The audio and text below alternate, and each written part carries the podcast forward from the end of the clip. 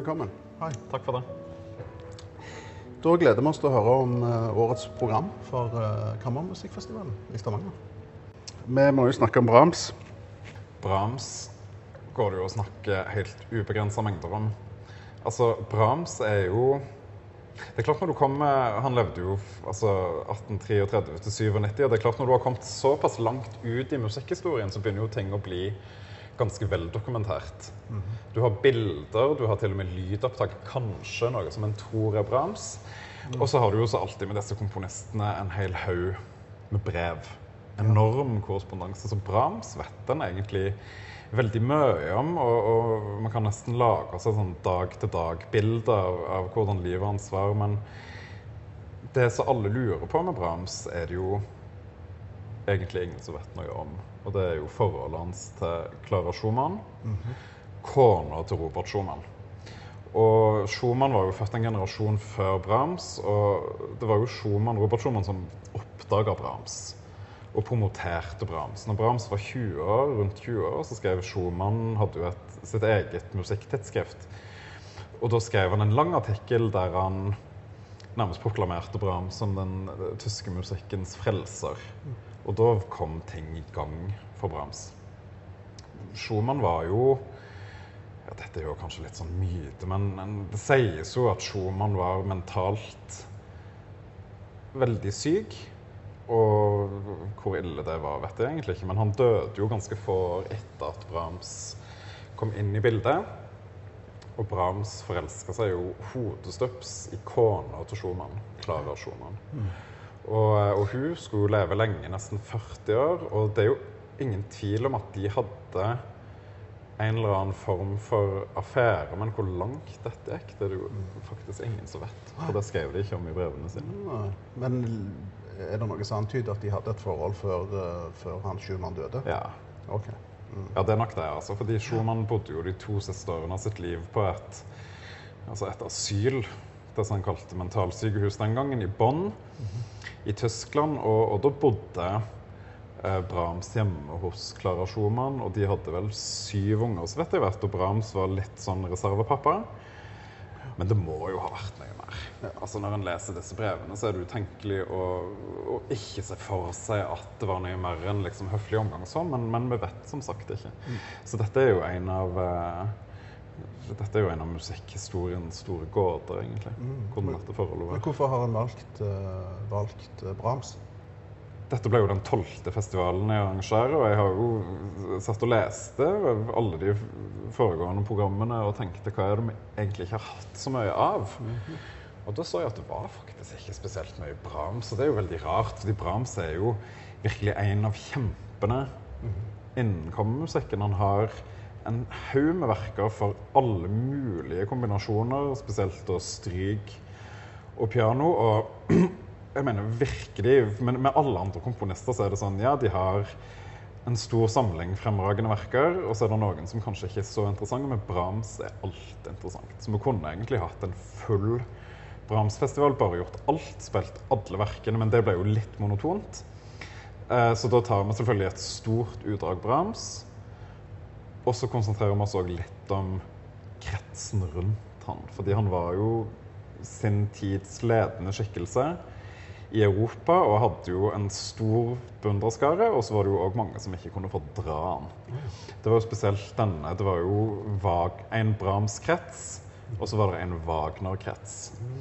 Og da hadde du jo det med Brahms at han støtta seg jo veldig på klassiske idealer. Alt det han hadde studert og lært av partiturene til Mozart og Beethoven. At du har på en måte en veldig strigla, ryddig måte å komponere på. Eh, mens med, med Wagner så er det jo mer å bare pøse på. Altså operaer som varer i, i fem-seks timer, det kunne aldri Brahms ha skrevet. Og, um, og, og, og selvfølgelig denne, disse motstanderne av Brahms de får ta og vente til et annet år.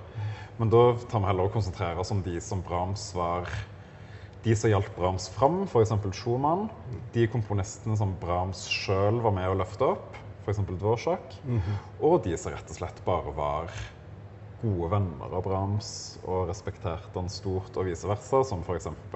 Grieg. Ja, For han hadde et forhold til Grieg. Ja, altså de, var, de møttes en del ganger. Grieg eh, inviterte jo bl.a. Brahms til å, å komme på ferie til Trollhaugen.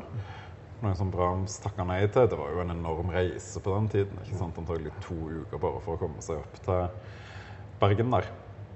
Men de var på veldig god fot og respekterte hverandre. Og så gjør vi jo noen sånne få stikk. Det som er med Brahms, er jo at det er, på en, altså det er en komponist som Litt som f.eks. Mozart og Bach, at han òg Musikken er så særegen at den på sett og vis avslutter en æra. Det er veldig vanskelig å gå videre fra Brahms, fordi den måten å komponere på, den, den syntesen av liksom klassisk form og romantisk innhold, er rett og slett vanskelig å videreføre. Men vi har funnet et par eksempler på folk i nyere tid som har i alle fall tatt omriss av Brahms og, og, og bygd det inn i sin egen toneverden. Men hva epoke var det som kom etter Brahms? Ja, da kommer det jo veldig mye forskjellig. Fordi Brahms døde jo i 1897. Og da hadde jo f.eks. Arnold Schönberg begynt å eksperimentere med tolvtoneteknikk. Og, og, og rett og slett atonal musikk, oppløsning av tonalitet. Du hadde mange andre komponister som fortsatte å skrive purromantisk langt ut på 40-tallet. Richard Strauss, f.eks. Eh, så hadde du jo eh, du har komponister som Bartok, Kodai, som, eh, som bruker veldig mye folkemusikk. Ganske krast, nesten barbarisk tonespråk av og til. Du har impresjonisme. altså Du har virkelig alt mulig. Og, og, og begynnelsen av 1900-tallet, og det får kanskje bli en annen festival, da eksisterte jo alt side ved side. Eh, mens fram til Brahms døde, så var jo ting holdt i et veldig romantisk tonespråk. Og så rundt forrige århundreskifte så begynte rett og slett ting å, å, å skli ut i alle retninger. Altså. Så jeg tror hvis Brahms hadde levd 20 år til, så hadde han nok endt levd i en musikalsk verden som han nesten ikke ville klare å kjenne igjen. Mm, spennende. Ja, ja det er veldig spennende. Men hvordan påvirker han, eh, hvordan påvirker han Grieg? Jeg tror ikke han påvirka Grieg så veldig mye. fordi disse Grieg sa jo om sin egen skapergjerning at andre komponister bygger templer og katedraler, mens han sjøl var opptatt av å bygge små hus der vanlige mennesker kunne trives.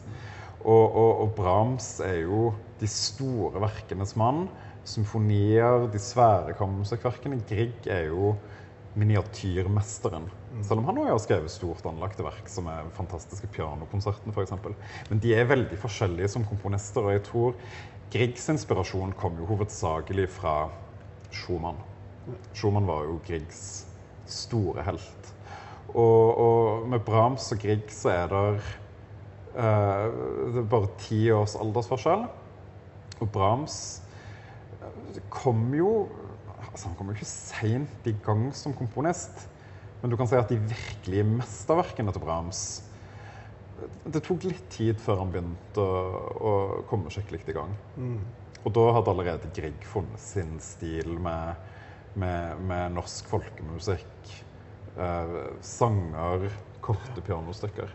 Så det var, det var nok ikke så veldig mye overlapp der. Men det fins jo ett eksempel på at, eh, på at Brahms har direkte stjålet et tema fra Grieg.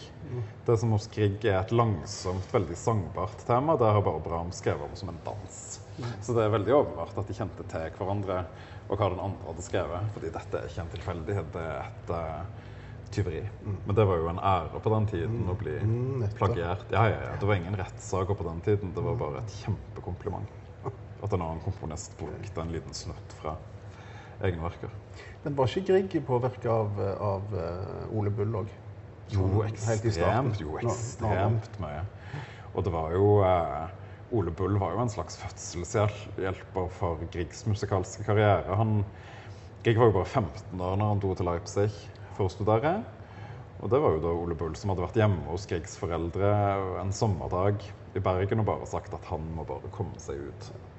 Å begynne å komponere. Altså, han må vekk fra Norge, han må ned og få tyske impulser og lære håndverket. Men så råder han jo òg Grieg til å Ole Bull og Rikard Nordraak, faktisk. Ja, ja. Som jo var samme generasjon som Grieg. Og det var jo egentlig dette med å bruke norsk folkemusikk. Mm.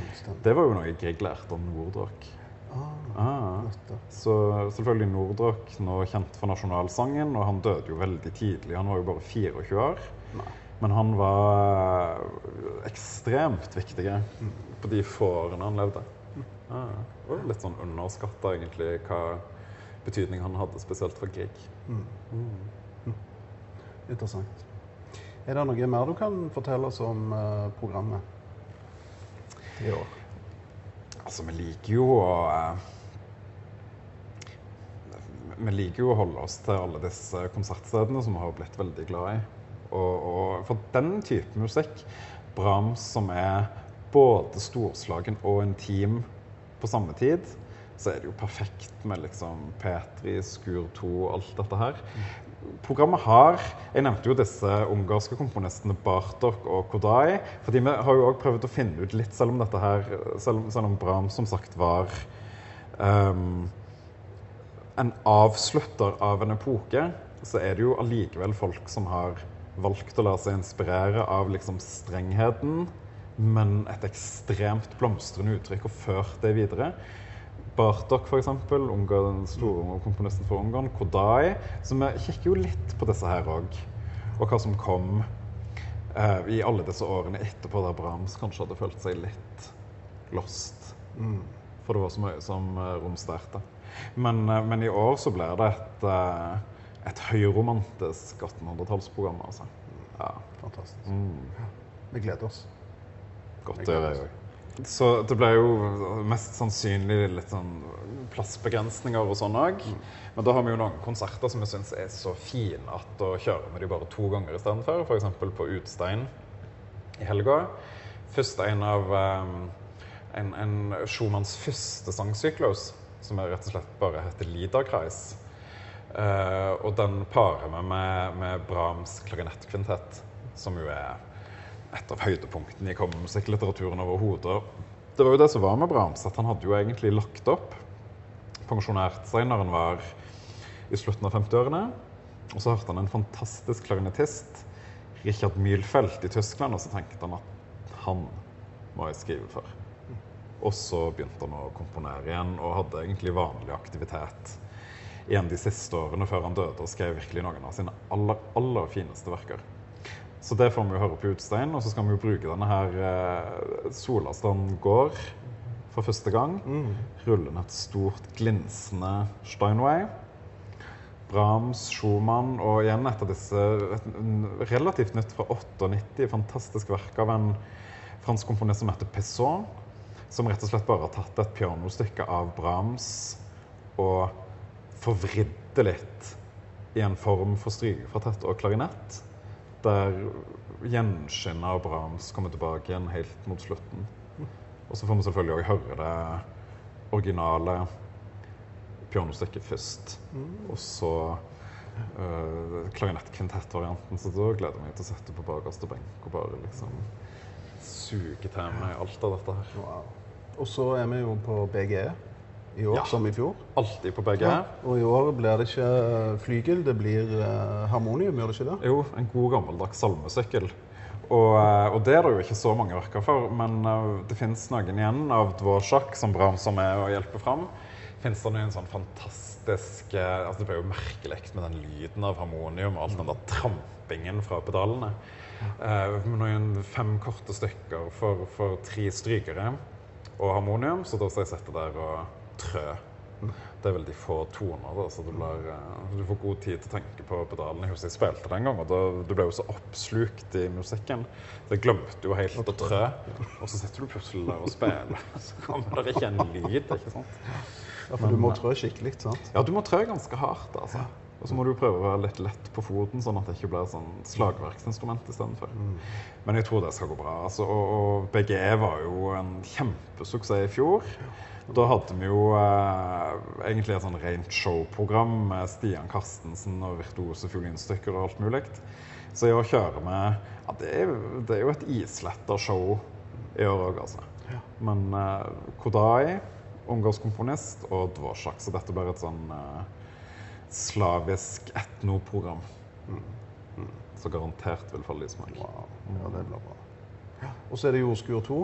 Som Alltid Skur 2. Skur 2. Ja, ja, ja. ja. Og så er det P3, P3. som uh, har eh, ja, altså både åpningskonsert, avslutningskonsert Ja. og kveldskonsert. Ja, folk ble veldig fort vant til P3. Og vi savner jo selvfølgelig domkirka, men om vi ikke kan bruke den, så er P3 eh, det suverent beste vi kan få. Altså. Og så er det jo selvfølgelig symfoniorkester òg, med Faktisk også et, et kammermusikkverk et kammermusikkverk av Brahms for eh, bare fire musikere, som en pianokvartett. Som da Schönberg har arrangert for 100 musikere. Oi. Så da skal virkelig formatet eksplodere. Wow. Sånn. Så det ble fint. Og solistopptreden av Johan Dalene, som jo er noe av det mest fantastiske av unge musikere som Europa kan by på for tiden. Og kunstnerisk leder Andreas Bruntli. wow. Flott. Ja, vi gleder oss. Takk, Da vil jeg bare ønske, ønske velkommen til årets festival. Så håper vi på fint vær som vanlig. Bank i bordet.